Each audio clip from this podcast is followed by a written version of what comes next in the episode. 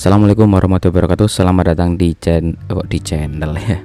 Selamat datang di acara ngode ngobrolin desain by Nesia Craft bersama gue Latus Laludin Nah di sini gue ada uh, ingin menjawab pertanyaan dari teman gue Gini. Kang gimana lo itu kok bisa menciptakan desain sekreatif ini? Bagaimana cara menumbuhkan kreativitas atau bagaimana cara mendapatkan inspirasi desain gitu ya. Nah, di sini gue juga bingung mau jawab apa karena gue juga sering mengalami kebuntuan. Karena desain graf, desainer atau ilustrator ini adalah uh, seseorang yang pekerjaan itu dituntut untuk melakukan kreativitas dan memberikan ide-ide segar dalam setiap karyanya yang mampu uh, bisa mengkomunikasikan suatu lembaga atau uh, suatu organisasi tertentu dengan sebuah karya visual gitu ya. Nah, di sini adalah cerita dari pengalaman gue sendiri ketika gue mengalami sebuah kebuntuan gue sering bermain atau gue sering bertamasya di Pinterest, di Behance, di Dribble, di Instagram juga sering gue. Nah, di situ gue harus menentukan satu konsep dulu. Contoh gue ingin mencari inspirasi desain logo maka ketika buka di uh, website-website tersebut gue harus fokus pada satu konsep yang akan saya cari inspirasinya. Jangan sampai lo itu nggak mendap uh, konsepnya itu nggak ada. Contoh ingin desain logo. Terus ketika lo buka free pick lo men, uh, melihat desain kartu nama yang bagus. Lo langsung pindah ke kartu nama. Terus lo pindah ke poster. Lo pindah ke sini lah kapan mau jadi logonya? Gitu ya.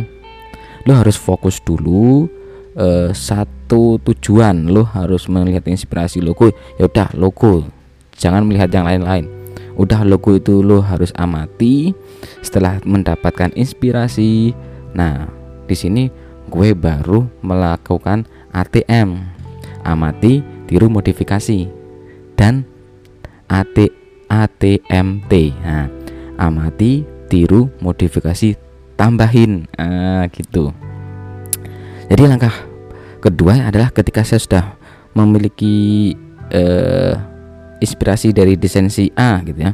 Saya ambil terus saya buat ulang yang sama persis. Setelah dibuat ulang sama persis otak ini pasti akan bertamasya lagi. Oh gini toh. Ini yang harus kita ubah.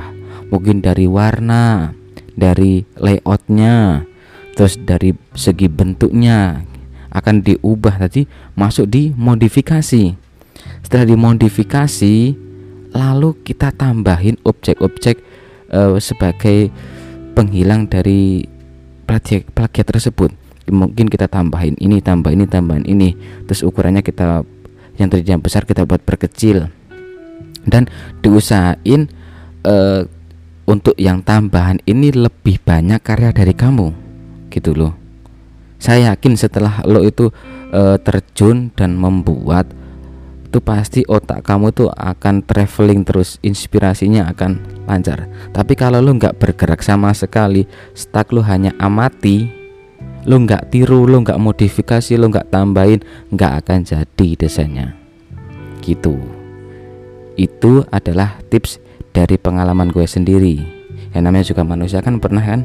Nah terus uh, website yang paling rekomendasi buat inspirasi. Nah di sini yang buat rekom, uh, website yang sangat gue rekomendasikan buat lo adalah Behance.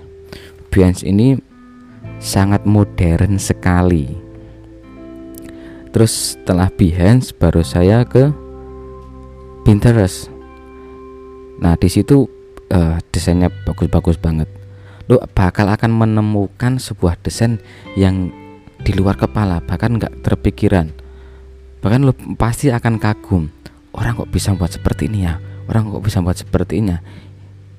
Walaupun itu seperti kayak tulisan atau gambaran anak TK tapi ternyata ya laku itu yang namanya sebuah karya yang sudah mengakar atau sudah menjadi ciri khas dari orang tersebut gitu nah sekarang lo harus uh, terapin dalam pekerjaan lo ATMT amati tiru modifikasi tambahin Sekian dari saya. Wassalamualaikum warahmatullahi wabarakatuh.